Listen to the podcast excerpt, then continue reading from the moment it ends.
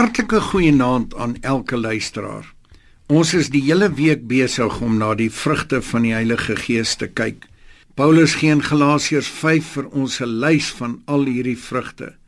Maar as die Gees ons lewe beheer, is die vrug liefde, vreugde, vrede, geduld, vriendelikheid, goedheid, getrouheid, sagmoedigheid en selfbeheersing. Ons het gesien dat al die vrugte eintlik voortspruitend uit die liefde is. Paulus beskryf hierdie liefde in 1 Korintiërs 13 en sê so 'n ontsaglike belangrike ding wat die groot verskil kan maak in jou en my lewens. Paulus sê dat die liefde hou nie boek van die kwaad wat jou aangedoen word nie. Ons het hier te doen met 'n woord wat met boekhou en rekeningkunde te doen het soos wat 'n balansstaat opgestel word. So sê Paulus dat die liefde hou nie boek van die kwaad nie. Dit skryf nie die verkeerde dinge wat ander mense teen jou doen op nie.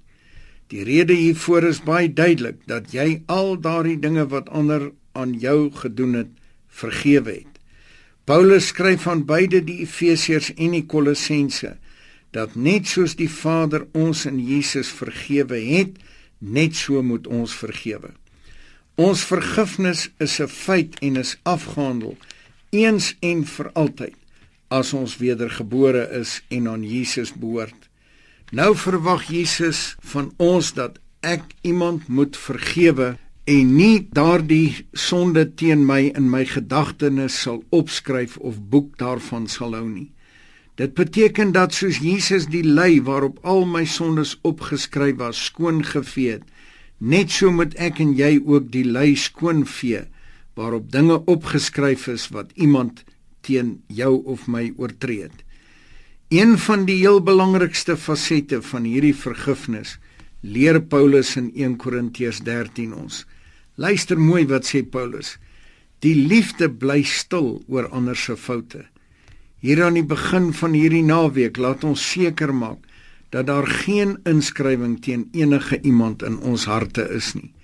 'n Vredevolle nagrus wag op elkeen wat selfs in sy of haar eie hart stil bly oor ander se foute. Kom ons bid saam. Baie dankie dierbare Here Jesus vir hierdie wonderlike dag.